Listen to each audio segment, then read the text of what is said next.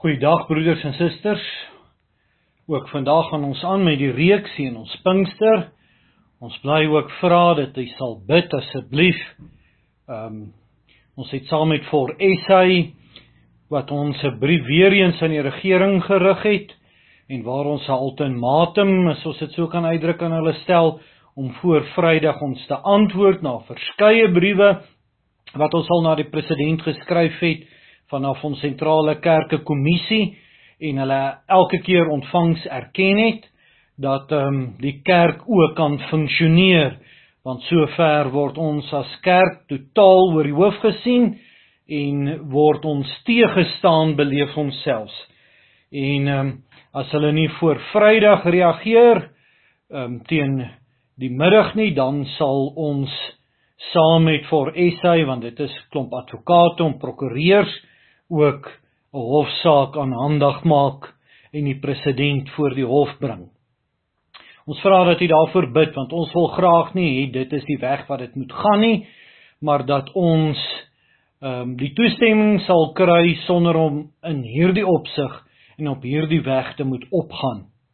So ons vra voorbidding dat u ook sal bid dat die regering hulle hart sal verander ook wat die kerk van die Here en geestelike bearbeiding aanbetref. Ons gaan sommer ook na ons verjaarsdag kyk voor ons met die prediking gaan begin. Vandag verjaar tannie Marie Fiet. Baie baie geluk tannie Marie. Ons bid saam met die oom vir tannie die seën van die Here toe.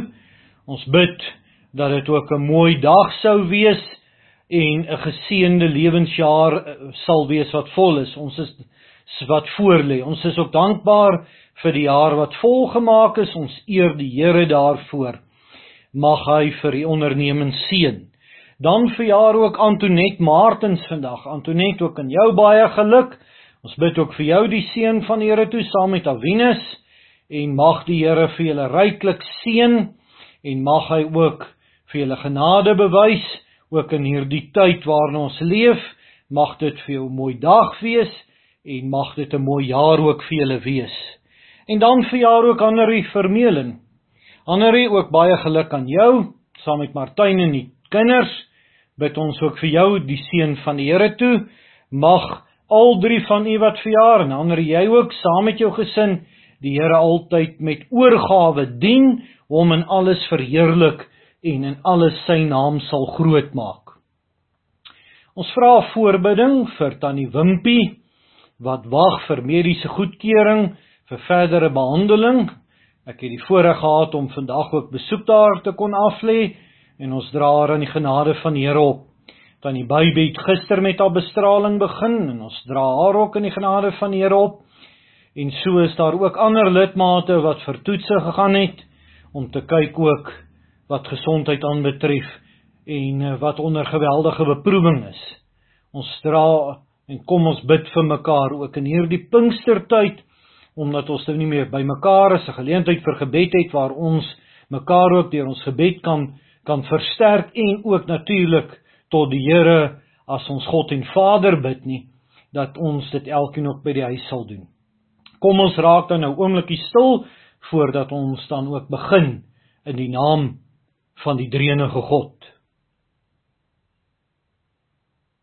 Ons hulp is in die naam van die Here wat hemel en aarde gemaak het, wat trou bly tot in alle ewigheid en nooit laat vaar die werke van sy hande nie. Nou in hierdie heerlike wete dat God nie die werke van sy hande laat vaar nie, dat ons sy kinders is, dat hy besonderlik ook ons bewaar en vir ons goed is, kom ons bid dan en vertrou op die Here ook dat ons ook weer saam hom sal kan dien. Nou voor ons saam bid, kom ons lees eers uit die woord van die Here. Ons lees vandag Galasiërs 3 en ons gaan ook uit 1 Korintiërs 12 lees. Galasiërs 3 gaan ons vanaf die eerste vers saam lees. O onverstandige Galasiërs, wie het julle betower om die waarheid nie gehoorsaam te wees nie? Julle voor wie se oë Jesus Christus afgeskilder is as onder julle gekruisig. Dit alleen wil ek van julle weet. Het julle die Gees ontvang uit die werke van die wet of uit die prediking van die geloof? Is julle so onverstandig? Nadat julle met die Gees begin het, eindig julle nou met die vlees? Het julle verniet so baie gelei as dit maar verniet was? Hy wat julle deur die Gees verleen en krag onder julle werk, doen hy dit uit die werke van die wet of uit die prediking van die geloof? Net soos Abraham in God geglo het en dit is hom tot geregtigheid gereken. Julle verstaan dan dat die wat uit die geloof is, hulle is kinders van Abraham. En die skrif wat vooruit gesien het dat God die heidene uit die geloof sou regverdig, het vooraf aan Abraham die evangelie verkondig met die woorde: "In jou sal al die volke geseën word." Sodat die wat uit die geloof is, geseën word saam met die gelowige Abraham. Want almal wat uit die werke van die wet is, is onder die vloek, want daar is geskrywe: "Vervloek is elkeen wat nie bly in alles wat geskryf is in die boek van die wet om dit te doen nie." En dat niemand deur die wet by God geregverdig word nie, is duidelik. Want die regverdige sal uit die geloof lewe. Maar die wet is nie uit die geloof nie, maar die mens wat hierdie dinge doen, sal daardeur lewe. Christus het ons losgekoop van die vloek van die wet deur vir ons 'n vloek te word. Want daar is geskrywe: "Vervloek is elkeen wat aan 'n hout hang." Sodat die seun van Abraham na die heidene kan kom in Christus Jesus en dat ons die belofte van die Gees deur die geloof kan ontvang. Dan lees ons ook saam met die woord van die Here 1 Korintiërs 12. Ons lees daar vers 12 en 13 saam. Want net soos die liggaam een is en baie lede het, En al die lede van die een liggaam, al is hulle baie, een liggaam is, so ook Christus. Want ons is almal deur een Gees gedoop tot een liggaam. Of ons Jode of Grieke, slawe of vrymanne, en ons is almal van een Gees deurdronge. Dit is die woord van die Here. Salig is elkeen wat dit hoor en sy in haar hart bewaar en ook daaruit gaan leef. Kom ons bid nou saam. Onse Vader wat in die hemel is. Here ons dankie vir u woord. Dankie dat ons vir elke geestelike aspek vir elke aspek van die geloof wat ook met die kennis te doen het, die antwoord in u woord kan vind. Ons dankie ook vir hierdie gedeeltes wat ons vandag saam kon lees. Ons vra dat U deur die Gees wat ook die skrywer van hierdie woord is vir ons dit sal oopbreek. Dat ons ook sal verstaan dit wat die Gees aan ons sê en leer en onderrig en dat ons vanuit die suiwere leer vanuit U woord ook sal gaan leef. Ons belydenis suiwer sal wees en u sal gaan verheerlik vir wie u waarlik is soos wat u self in die woord geopenbaar het en dat ons ook uit dankbaarheid in gehoorsaamheid volgens u woord sal gaan doen. Ons dankie dat ons in hierdie tyd met die Pinksterreeks besig kan wees. Ons dankie dat ons besonderlik ook aandag kan skenk aan u en ook aan die derde persoon van u die Heilige Gees en dat ons ook onderrig kan word met betrekking tot die Gees. Ons vra dat U tot ons sal spreek. Dit vra en bid ons alles in Jesus naam. Amen.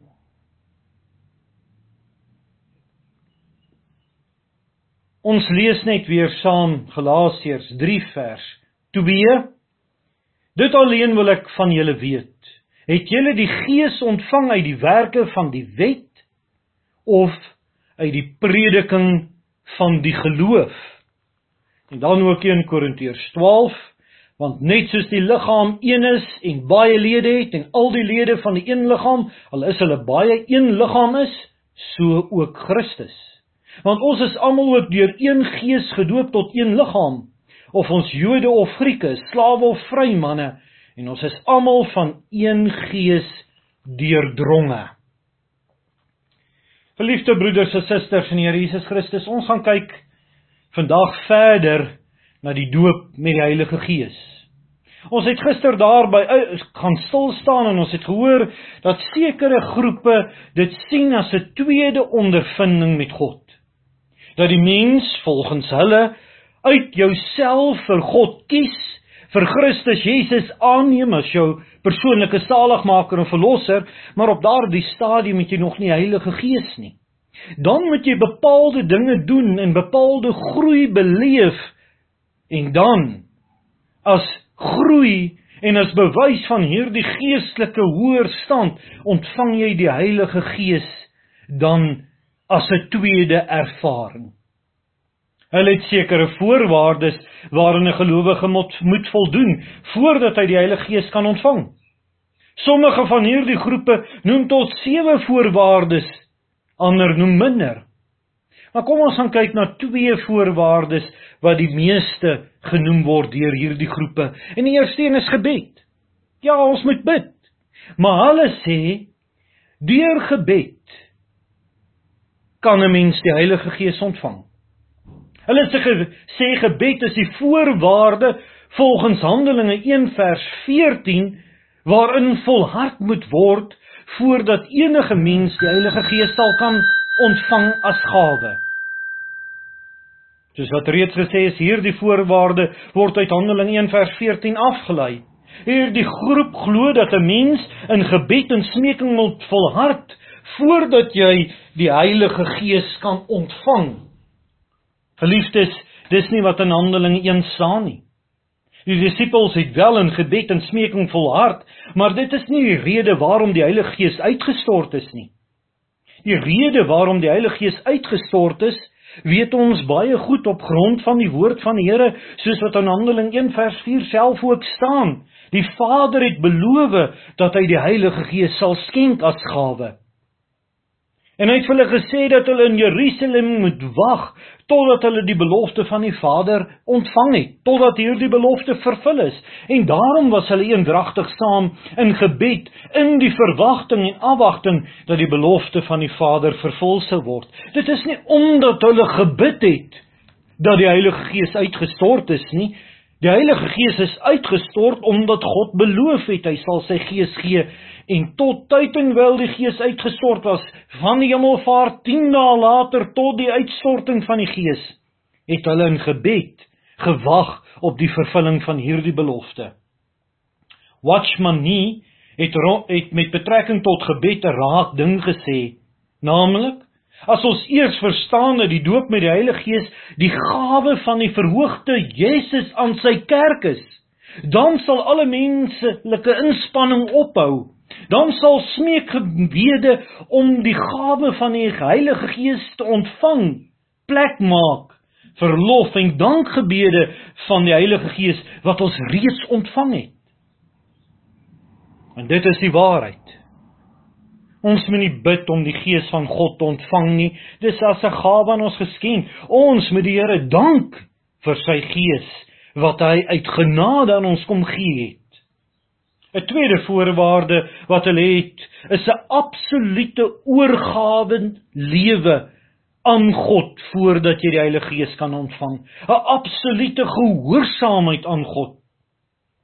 Hulle glo dat 'n gelowige hom of haarself volledig en absoluut moet onderwerp aan die wil van God voordat 'n gelowige die doop met die Heilige Gees aldus hulle kan ontvang. Een van hulle groot prediker R.A. Torrey sê die volgende: U sal die doop met die Heilige Gees nie ontvang nie al bid u tot die oordeelsdag tensy u u wil absoluut aan God oorgee. Geliefdes, kan hierdie stelling waar wees? Word die Heilige Gees eers ontvang nadat die gelowige nadat die gelowige die geestelike pyl van absolute oorgawe bereik het. Absolute vertroue, absolute gehoorsaamheid aan God. Nee broeders en susters, die Bybel leer soos wat ons baie goed weet dat ons dood is in ons sonde na die sondeval. Niemand kan enigsins iets goeds doen uit sy eie nie. Verlore was ons, verwyderd van God, dood vir God en ons naaste. Hierdeur word van die mens dan nou deur hierdie groepe iets geëis waartoe die mens eenvoudig nie toe in staat is nie. Ons leer dat die vlees kragteloos is en dat dit God nooit kan behaag nie. Dit is juis die Here Jesus Christus wat ons beloof dat ons krag sal ontvang as die Heilige Gees oor ons kom, soos in Handelinge 1 vers 8 geskrywe staan.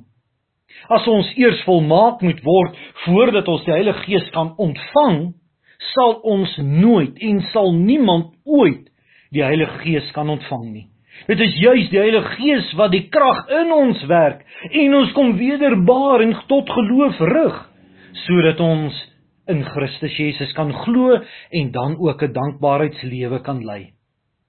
Verder vervang hierdie siening die Bybelse leer van genade alleen met verdienste. Die Bybel leer dat 'n mens niks op grond van jou eie verdienste by God kan ontvang nie.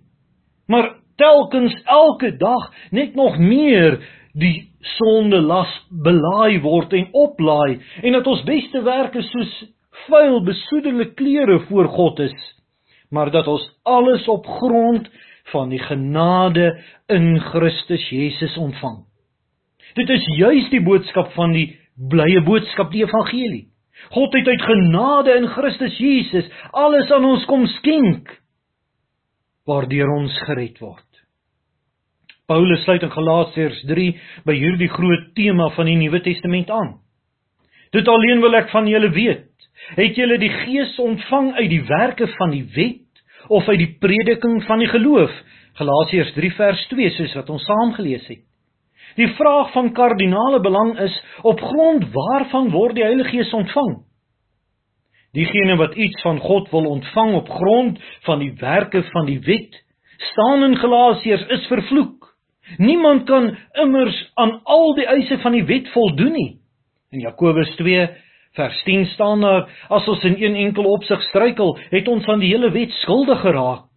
So mens is losgemaak van Christus en het aan die genade verval, staan in Galasiërs 5 vers 4, iemand wat homself vanuit die wet wil red. Nee, daar is vir 'n mens maar net een moontlikheid, naamlik God se genade deur die geloof om in Christus Jesus as die volmaakte offer te glo. En ook hierdie geloof is 'n genadegawe. Soos wat ons weet wat in Efesiërs 2 vers 8 staan, want uit genade is jy gered deur die geloof en dit nie uit jouself nie, dit is die gawe van God. Geliefdes, hierdie siening dat 'n mens eers absoluut in gehoorsaamheid moet groei en wees, is eintlik 'n troostelose leer. Hierdie opvatting beteken in werklikheid dat daar geen sekerheid van geloof sal kan bestaan nie. Want vandag voel ek oortuig van my oorgawe en dit het huppel in my stap, maar môre val ek weer in sonde en dan twyfel ek of ek ooit goed genoeg vir die Here was. Want hierdie mense sê jy moet goed genoeg wees. Jy moet absoluut in jou gehoorsaamheid en jou oorgawe wees. Nie op grond van absolute oorgawe en gehoorsaamheid kan geen mens seker wees dat hy ooit die Heilige Gees ontvang het nie. En dit is dan ook nie verbasend, verstommend dat die Pinkstergroepe dan na tekens soek waardeur hulle vir hulle self sekerheid soek dat hulle wel die Heilige Gees ontvang het nie. Die teken waaraan hulle vashou is dan die spreekentale. Hulle gebruik drie skrifgedeeltes in Handelinge as bewysplaas. Handelinge 2 vers 4 Jy kan dit gerus weer gaan lees. Ons het dit gister gelees. Handelinge 10 vers 44 en 19 vers 6. Ons het al drie hierdie gedeeltes gisteraand gelees. Ons het reeds gisteraand aangedoen, aangetoon dat Handelinge 2:19 nie gebruik kan word om te bewys dat daar so iets soos 'n tweede ondervinding is, 'n tweede ervaring, die second blessing, dat 'n mens eers later die Heilige Gees ontvang nie. In Handelinge 10 vers 44 dui juis aan dat bekering en die ontvang van die Heilige van die Heilige Gees gelyktydig plaasvind. Geliefdes, ons moet daarop let dat daar nie in bogenoemde drie gedeeltes staan dat die sprekende tale die teken van die doop van die Heilige Gees is nie. Kom ons sê net weer, wat is die doop van die Heilige Gees? Die ontvang van die Heilige Gees is nie. Dit is die Pinkstergroepe wat so afleiding maak. Dit sê hulle want hulle sê omdat dit so in die woord op drie plekke staan, moet dit altyd vir almal so wees dat as jy die Heilige Gees ontvang, dat jy dan in 'n taal moet spreek. Hulle sê omdat daardie mense dit destyds so ondervind het, moet alle Christene van alle tye dit ook so ondervind, ten spyte van die feit dat die Bybel nêrens hierdie mense se ondervinding tot maatstaf vir alle eeue verhef nie. Jy moet daarop let. Terwyl dit so is dat daar 3 gevalle is waar mense in tale gespreek het na die ontvangs van die Heilige Gees, is daar omtrent 20 taalvoorbeelde van mense wat ook tot ware geloof gekom het, wat ook die Heilige Gees ontvang het, maar dat daar geen sprake van die spreek van tale is nie in hierdie selfde boek Handelinge. Handelinge 4 vers 31, 9 vers 17, 13 vers 52, 2 vers 41, 4 vers 4, 9 vers 42, 11 vers 21, 13 vers 12, 13 vers 48, 16 vers 30 en so kan ons aanhou opnoem. Gaan bestudeer gerus 'n bietjie die boek Handelinge en jy sal dit duidelik vind. Dan moet ons ook onthou dat die boek Handelinge 'n geskiedenisboek is en nie 'n leerstellige boek is nie. Natuurlik alles wat daar ontstaan is waarheid, maar dit is nie bedoel as lering nie, maar God se handelinge met die totstandkoming van die kerk van Christus in die Nuwe Testamentiese era. Indien spreek in tale ware bewys van dat 'n mens die Heilige Gees ontvang het sou wees, sou dit seker sekerlik pertinent ook in die leerstellige boeke voorgekom het as bewys van die ontvangs van die Heilige Gees. 'n Mens vind wel die spreek in tale in die lerende gedeeltes wel in 1 Korintiërs 12 en vers en 1 Korintiërs 14, maar dan word dit elke keer as een van die minder belangrike gawes genoem. En dit is belangrik om dit op te merk. Jy kan gerus die hele hoofstuk 12 en 14 van 1 Korintiërs gaan lees. As dit die bewys van die ontvangs van die Heilige Gees was, sou dit die gawe gewees het. Maar in hierdie twee hoofstukke word dit een van die geringstes uitgemaak.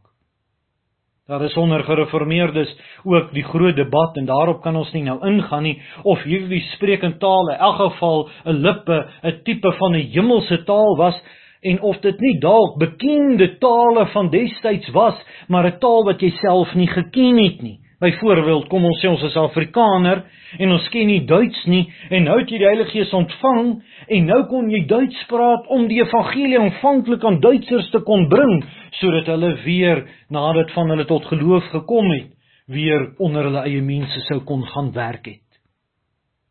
Maar kom ons laat dit daar. In Korintiërs 12 en 14 noem wel die spreek in tale, maar as een van die minder belangrike gawes.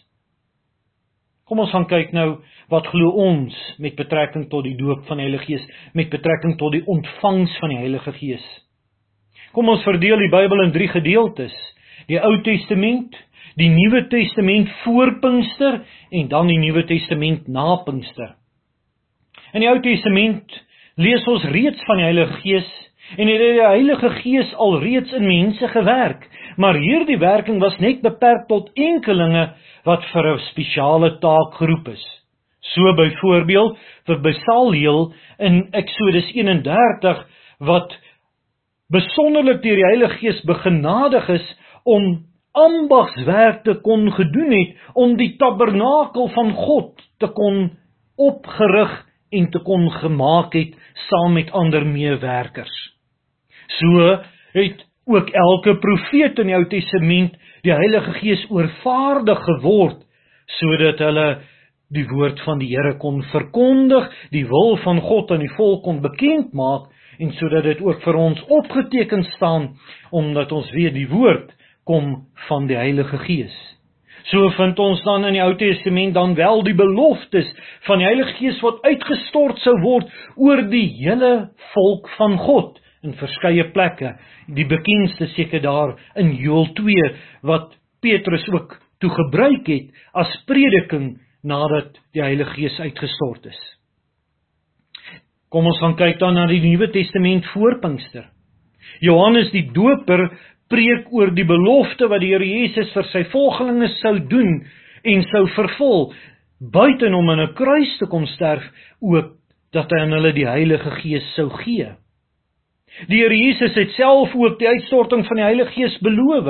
Hy beloof vir sy disippels in Johannes 14 vers 18 dat hy hulle nie as wese sou agterlaat nie, maar vir hulle ander trooster met die hoofletter, dit is die Heilige Gees sou stuur. Hy herhaal dit in daardie laaste onderrig in Johannes 16 vers 7 weer dat hy beloof dat die Heilige Gees sal kom. Net voordat hy opgevaar het na die hemel, sê hy ook dat hulle in Jerusalem moet bly wag totdat hulle die belofte van die Vader ontvang het, wat die uitstorting van die Heilige Gees is. Jesus sê dan ook self dat elkeen wat in hom glo, dan die Heilige Gees sal ontvang. Dit het ook in vervulling dan gegaan op Pinksterdag wat ons Sondag gaan gedenk. En dan die Nuwe Testament na Pinksterdag vind ons veral in 1 Korintiërs 12 vers 13 wat die doop met die Heilige Gees beteken. In ver die vers lys soos volg: Immers ons is almal in een gees, in een liggaam gedoop, of ons Jode of Grieke, slawe of vrymanne, en ons is almal van een gees deurdronge. Paulus leer in hierdie vers vir ons twee belangrike dinge. Eerstens maak hy groot moeite om te beklemtoon dat alle gelowiges met die Heilige Gees gedoop word. Twee keer gebruik hy die woordjie almal. Hy laat geen ruimte vir twyfel nie. Dit is nie net die wat bepaalde geestelike groei of stap in 'n lewe bereik het wat dan die Gees se ontvang nie. Tweedens leer Paulus ons wanneer die doop met die Heilige Gees plaasvind. Dit is wanneer die Heilige Gees in ons kom werk, die geloof, die roeping, wedergeboorte, die geloof, die bekering aan ons werk en ons dan kom inlyf in die liggaam van Christus, soos wat in 1 Korintiërs 12 dan uitgespel word, ingelei word in die ware kerk. Hierdie is nie net die plaaslike gemeente nie, maar sodra 'n mens 'n gelowige word deur die genadige werking van God, dan word jy deel van die ware kerk van Christus Jesus. En dan natuurlik moet jy by 'n kerk ook betrokke wees. Want die kerk is tog ook die liggaam van die Here. En wanneer gebeur dit? Dis sover dit van die mens afhang, vind dit plaas die oomblik wanneer die Gees in ons kom werk, sodat ons die Here Jesus Christus as ons saligmaker en verlosser bely aanvaar deur die werking van God se Gees. Kom ons vat saam. Die uitdrukkings doop met die Heilige Gees, vervul met die Heilige Gees, die Heilige Gees ontvang, die Heilige Gees het op almal geval, die Heilige Gees het op hulle gekom, het almal dieselfde betekenis.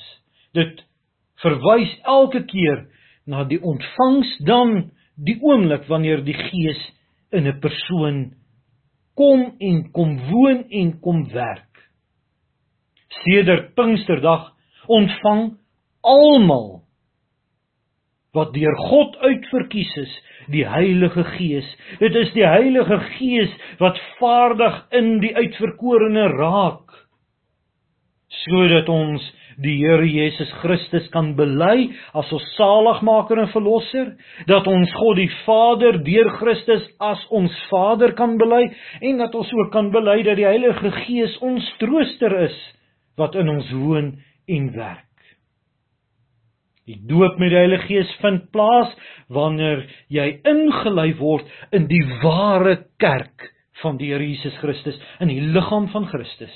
Dit is die oomblik wat neer God in jou werk dat jy bely dat Christus saligmaker en verlosser is. Maar natuurlik is daar ook 'n verder aspek van die verbond van God met ons. Die genadeverbond. en dat hy selfs ons kinders van die begin af insluit en so ook in die ware kerk van Christus inplant. Geliefdes, wanneer ons die Here Jesus bely as ons saligmaker en verlosser, sou dit wees dat iemand nie in die verbond groot word nie en op grond van die prediking dan nou tot geloof kom, tree jy tog nie net in 'n verhouding met 'n derde met respek gesê van die drenige God nie. Dit is nie uit eie beweging dat jy vir Christus kies en dan nog net Christus ken en in net aan Christus deel het en dan later eers wanneer 'n bepaalde vlak bereik het, dan eers die Heilige Gees ontvang en dan God as Vader kan bely nie. Nee, ons bely die drenige God. Ons staan in 'n verhouding met die drenige God. Die oomblik Wanneer Christus Jesus ons saligmaker en verlosser is, soos met Paulus wat tot inkeer gekom het, word God ook jou Vader en ontvang jy ook die Heilige Gees as jou trooster. Wat 'n genade. Dat dit die Heilige Gees is wat in ons kom werk sodat ons kan glo, sodat ons tot bekering kom, sodat ons Christus Jesus kan bely, nie uit onsself nie. Alles die werking van die gawe van God aan ons, naamlik sy gees.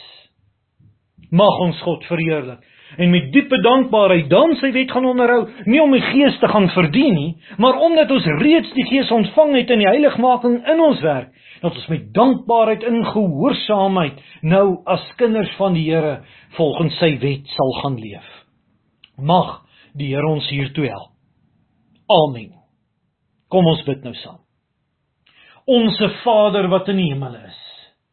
Here ons dankie vir u Gees.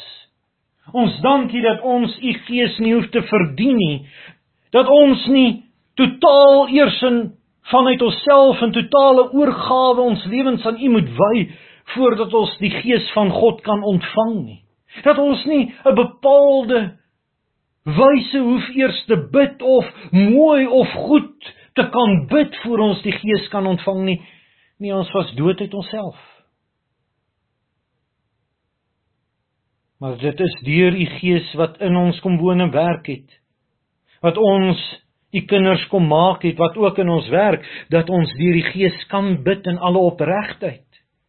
Dat ons ook die verlang en begeerte het om volgens u woord u te dien en te eer uit 'n diepe dankbaarheid Dankie dat ons nie net Christus Jesus, u seun ontvang het wat ons met u kom versoen het nie, maar ook soos wat die Here Jesus self gesê het dat hy ons nie as wese en weduwee sou agterlaat nie, dat ons ook u Gees ontvang het wat in ons woon, in ons werk, wat ons vertroos en wat ons in die waarheid rig en lei. U Gees wat in ons werk sodat ons tot eer van die naam kan bly leef. U Gees wat in ons die volharding werk sodat ons nooit weer verlore sal gaan nie. Dankie dat U Gees as gawe aan ons geskenk is wat al reeds in die Ou Testament aan ons beloof is. Ons bid Here dat U ook deur die Gees ons sal lei in hierdie dae tot helderheid van verstand sodat ons ook sal besluit op grond van soos daar in Handelinge 15 staan, ons en die Gees het besluit. Ja, rig ons so deur die Gees dat ons ook so sal besluit dat ons sal besluit volgens u wil en u woord. Waar ons as kerk ingeperk word. Ja, ons wil verantwoordelik wees, Here, u weet dit. Ons wil niemand aansteek en ons wil nie enige mens moet doodgaan nie, maar ons weet ook u seun het die dood kom oorwin. En ons weet ook in u seun het ons die ewige lewe, so ons leef nie in totale vrees vir die dood nie, maar ons wil in totale gehoorsaamheid deur u gees aan u leef. En ons vra en smeek van u Here dat u dit so aan ons sal skenk dat ons weer saam as gemeenskap van gelowiges bymekaar kan kom soos wat U nie net die geleentheid vir ons gee nie, maar waartoe U ons ook die verantwoordelikheid en ook die opdrag gee dat ons weer bymekaar sal kom, saam hier sal aanbid, maar ook as gemeenskap van gelowiges as liggaam van Christus wat ons wat baie lede het, verskillende lede het, ons elkeen 'n lid is. U weer sal kan dien. Ons smeek dit van U. Ons bid vir elkeen in beproewing. Ons bid vir elkeen wat ernstig siek is. Ons bid vir elkeen wat eensaam is, elkeen wat bekommerd is oor kinders en oor die skool wat weer moet begin en dalk nie net die skool en die aanpassing nie, maar ook my kinders se vordering. Here, dankie dat U deur die Gees in ons woon en ons vertroos en dat ons kan weet ons is in U hand en Christus is die goeie herder. En U sal altyd ons sagkens lei. Ons bewaar ons rug, ons ons genade bewys. Here, ons dankie vir u Gees. Dankie dat u Gees die outeur van die woord is, die skrywer daarvan is en dat u Gees ook die woord oopbreek dat ons vanuit die woord Christus die lewende woord kan gaan leef. Ons dankie vir drie van ons lidmate wat vandag verjaar. Ons is dankbaar vir 'n lewensjaar volgemaak. Laat ons elke keer ook wanneer ons ons geboortedag gedenk met dankbaarheid gevul word en weet ons word geroep om te gaan leef. Te gaan leef as sout van die aarde en lig van die wêreld tot verheerliking van u groot en heilige naam. Dit bid ons dan alles in die naam van ons Here Jesus Christus. Amen. Geliefdes, ons bid vir u elkeen 'n geseënde dag toe en mag die Here rig deur sy gees na sy wil.